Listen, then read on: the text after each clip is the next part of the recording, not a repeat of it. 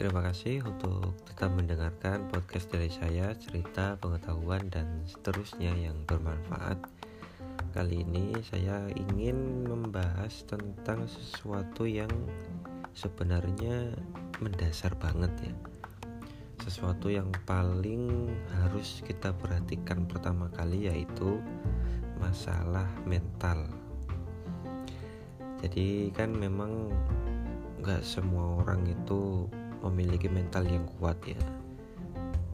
Bahkan coba kamu sendiri berapa kali berdiri di depan banyak orang terus ngomong itu kalau kamu hari ini merasa biasa aja. Artinya kamu memiliki mental yang bagus dan saya jamin kamu sudah melakukannya bertahun-tahun. Tapi sebagian dari kita teman-teman kita itu masih memiliki mental yang belum kuat. Artinya untuk ngomong ke lima orang di forum aja dia masih gemeteran gitu. Yang seperti ini sebenarnya bukan sesuatu yang buruk karena mental ini sebenarnya masalah apa ya masalah jam terbang sebenarnya. Karena orang yang mentalnya kuat hari ini itu pasti dia sudah melewati berbagai macam kultur, berbagai macam pergolakan, berbagai macam lapangan dan sebagainya. Saya ingat dulu waktu masih SMP ya kalau nggak salah. SMP itu saya pernah hmm, ikut semacam lomba pidato gitu tingkat kabupaten. Tiap tahun pasti ada di di kota saya itu. Tiap kabupaten antar SMP saya ikut ya. Kan namanya lomba pidato kan ada banyak ya. Ada yang bahasa Arab, bahasa Indo, bahasa Inggris dan seterusnya. Dan saya pasti ikut yang bahasa Indonesia. Yang namanya pidato kan pasti ada naskah terus dihafalin sebelumnya kan. Enggak ya gak mungkin kita datang tanpa menghafal dulu kan. Karena lomba kan harus harus menguasai materi dan menguasai di sini adalah hafal.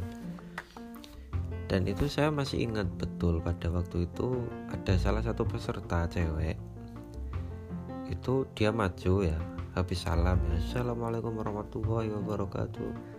Alhamdulillah salatu dan seterusnya. Tiba-tiba dia diam. Saya melihat dia itu sedang mencoba mengingat sesuatu yang faktanya pada waktu itu dia benar-benar blank. Nah ini dia. Yang berbahaya pada mental adalah tergerusnya pengetahuan yang sudah ada dalam otak. Karena mental ini memang menentukan hal seperti ini gitu. Saya jamin saya dan seluruh peserta di sana itu rasanya deg-degan. Rasanya kalau bahasa Jawa itu dredeg ya was-was takut salah lah takut lupa lah. Lah ini tekanan seperti ini itu akhirnya membuat mental itu menjadi ya katakanlah kita down. Atau mental ini benar-benar teruji. Karena ya tadi akhirnya hal yang paling buruk adalah yang dialami oleh peserta cewek tadi yaitu ngeblank padahal kita semua tahu pasti dia sudah menghafal. Tapi dia ngeblank ya lupa beberapa detik dia mengetahui bahwa dia lupa itu justru akan membuat mentalnya semakin jatuh. Dan udah otak ini udah udah bersih semua nggak nggak ada materinya udah hilang ke mana itu. Nah ini salah satu contoh aja mengenai mental karena mental ini benar-benar menentukan. Jadi orang itu kalau udah berani naik ke podium naik ke panggung yang besar, pidato di depan ribuan orang, khutbah di masjid atau apa pun itu yang berhubungan dengan banyak orang dan dia berani untuk tampil di depan. Maka bisa dipastikan orang ini adalah sudah memiliki mental yang bagus dan mental yang bagus ini tidak ada tips khusus, tidak ada cara-cara tertentu kecuali satu hal kamu harus banyak naik ke panggung, kamu harus banyak melakukan frustasi rasanya frustasi bagaimana di depan rasanya deg-degan ketika menghadapi banyak orang rasanya dredeg itu tadi rasa tertekan kamu harus sering-sering. Saya ulangi untuk melatih mental tidak ada tips apa pun kecuali satu hal jam terbangmu harus kamu perbanyak nah ini ini sebenarnya banyak opsi ya. Misalnya kamu sekarang sedang posisi sebagai pelajar katakanlah SMP atau SMA nah cobalah kamu tuh belajar ngomong di depan kelasmu. Itu udah udah latihan gitu. Itu udah latihan beneran. Karena di kelas itu kan ada belasan atau ribu uh, puluhan kok ribuan belasan atau puluhan siswa. Kamu berani maju ke depan menyampaikan sesuatu, membacakan sesuatu, menceritakan sesuatu di depan mereka, apalagi di, di situ ada seorang guru, itu benar-benar sudah panggung yang luar biasa dan itu adalah latihan. Bisa kamu naikkan, kamu coba ikut latihan di uh, apa, latihan di forum luar, di komunitas-komunitas.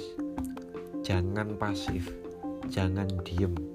Cobalah sekali-kali kamu ngomong, cobalah sekali-kali kamu yang menyampaikan teks, menyampaikan pidato latihan gitu loh.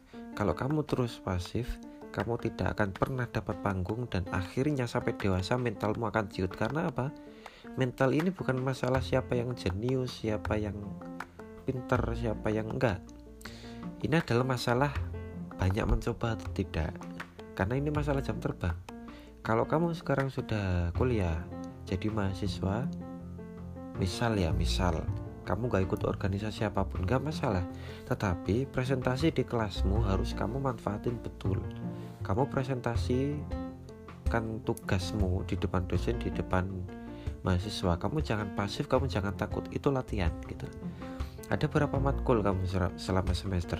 Dan kamu akan menghabiskan katakanlah 7 sampai 8 semester. Itu sudah banyak sekali panggungnya sudah kamu lewati. Apalagi kamu kalau ikut komunitas organisasi up justru malah bagus. Kalau kamu ikut organisasi ikut komunitas dan kamu hanya pasif menjadi anggota cuma dengerin gak pernah nyampain saran gak pernah tanya gak pernah coba jadi pemateri ya buat apa gitu loh. Nanti kamu ketika sarjana sudah lulus dan kamu harus terjun ke masyarakat kamu tidak akan pernah memiliki mental yang sudah kuat sudah baku sudah oke okay. karena selama sekolah selama kuliah kamu tidak pernah mau untuk melatihnya saya jamin teman-teman yang sudah berani naik di atas panggung berdiri di depan semua orang mereka sudah melatihnya sejak dulu dan mereka pasti pernah merasanya malu pernah dicemooh pernah diolok-olok bahkan pernah lupa seperti teman peserta cewek saya tadi. Mereka pasti pernah itu dan mereka lalu itu semua. Kalau pengalaman saya sendiri saya ikut lomba itu sudah sejak umur SD karena ya pertama saya gak, gak bisa nolak. Dulu saya penurut banget kalau masih eh, masih kecil itu.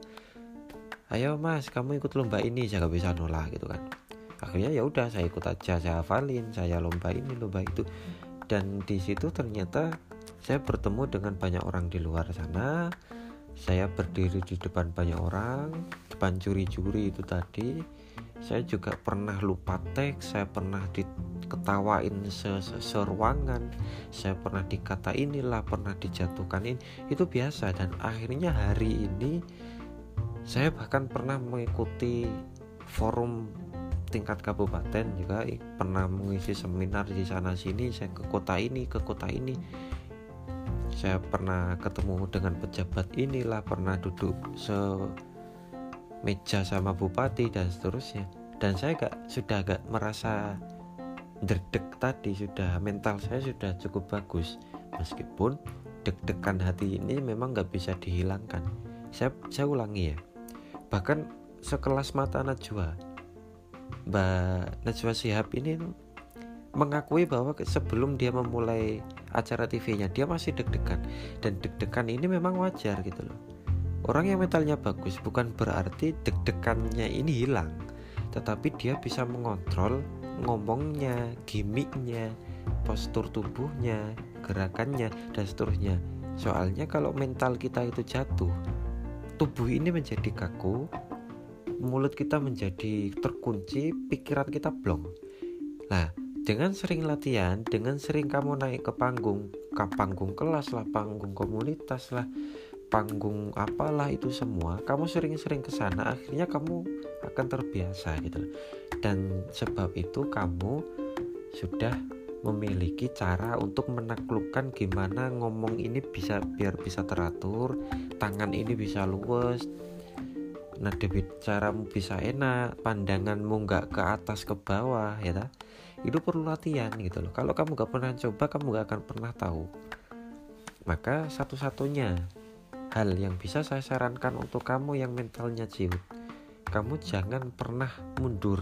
Kalau kamu ditunjuk maju kalau kamu ditunjuk untuk mewakili perlombaan di luar kalau kamu ditunjuk untuk berpidato dan seterusnya kalau kamu menolak, kamu akan selamanya berada di bawah, skillmu tidak akan pernah terasah. Paham ya? Jadi sangat disayangkan kalau ada seorang teman itu yang ayo kamu maju sini coba sampaikan dia nolak. Saya sudah memperhatikan teman-teman seperti ini dan dia tidak pernah memiliki mental yang bagus. Beda sama orang yang sebenarnya kalau kita lihat itu justru kita lihat itu kayak sok gitu ya. Kayak sombong kayak sosokan kayak berisi kayak gimana gitu. Tapi itu mentalnya bagus gitu. Teman saya itu pernah ya waktu awal-awal kuliah dulu ya masih maba gitu. Nah itu dari prodi itu pernah ada suatu ya kayak kayak apa ya bahasanya kayak mos gitu kayak kalau salah apa bahasanya orientasi gitulah ya. Nah dari prodi ada yang ada anu tanya ke ke kita teman-teman mahasiswa baru. Ayo siapa yang berani mimpin lagu Indonesia Raya gitu? Itu ada seorang cewek maju seret dia langsung maju. Dan dia perkenalan siapa dirinya. Orang melihat bahwa dalam pandangan orang biasa ya. Orang melihat bahwa ih siapa nih ini sok-sokan banget ih caper gini apa? Itu pendapat orang. Dan kita gak peduli tentang itu. Tapi faktanya cewek yang maju ini adalah mentalnya luar biasa. Dan sejak itu saya mengingat teman ini gitu.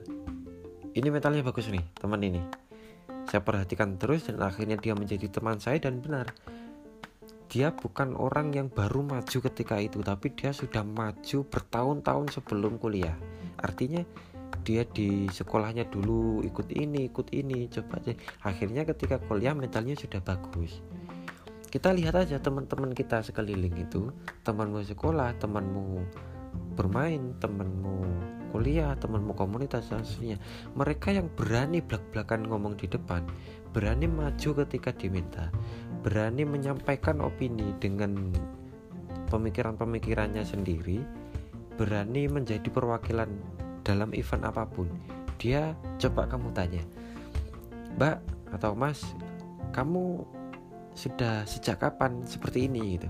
Pasti jawabnya pasti sama, yaitu dia sudah seperti itu bertahun-tahun sebelumnya. Nah, saya ingetin lagi untuk teman-teman semuanya yang metalnya ciut. Kalau hari ini kamu masih menolak untuk maju, menolak untuk mewakili, menolak untuk latihan, menolak untuk naik ke panggung. Lalu kapan kamu belajar gitu? Kamu akan selamanya gagap di depan, kamu akan selamanya ciut, kamu akan selamanya drodosan keringetnya kalau di depan, kamu akan selamanya gemeteran, dan kamu tidak akan pernah bisa mengubahnya selama kamu tidak memutuskan untuk maju. Oke, bisa dipahami? Jadi tidak ada doa khusus, tidak ada ramuan mujarab yang bisa menghilangkan deket itu tadi, tidak ada pelatihan satu dua hari seminar internasional sekalipun yang membuat mental orang itu menjadi bagus tidak ada semuanya kembali ke keputusanmu sendiri. Apakah kamu ditelas tetap pasif atau kamu berniat aktif? Apakah di organisasi kamu berani mencoba untuk berpublic speaking? Bagaimana kamu tuh latihan ngomong sendiri di kamar? Bagaimana kamu latihan untuk menyampaikan gagasan di depan orang-orang itu adalah kembali kepada pilihanmu sendiri. Siapa pun tidak bisa mengubahnya karena ini adalah masalah pilihan dari tangan kamu sendiri yang menentukan sikapmu sendiri yang menentukan. Jadi seperti itu untuk masalah mental ya. Saya harap teman-teman yang masih merasa gemetaran kalau di depan masih ciut mentalnya saya berharap benar-benar kalian tidak putus asa tidak pesimis. Saya pun dulu juga sempat nangis di depan uh, semua orang juga pernah diolok-olok pernah. Pokoknya jalani aja jalani. Kamu harus merasakan semua itu. Kalau ya beruntung kalau kamu gak merasakan apa yang kita rasakan tapi saya berpikir kamu harus berani melewati semua situasi kamu naik aja ke seluruh panggung supaya kita itu siap gitu loh. Nanti eh, habis wisuda habis sarjana kamu jadi apa di masyarakat? Kan kita nggak tahu. Entah nanti kamu jadi tokoh masyarakat entah kamu jadi RT kamu entah kamu jadi bupati sekalipun jadi presiden bahkan. Kita nggak tahu. Dan latihannya bukan ketika kamu jadi presiden tapi latihannya adalah sejak sekarang. Terima kasih untuk tips yang sudah saya sampaikan. Semoga bisa diaplikasikan dan semoga bisa dipahami. Terus belajar terus memerangi kekurangan diri sendiri demi dirimu mengejar prestasi dan untuk membanggakan orang yang kita sayangi. Terima kasih dan sampai jumpa. thank you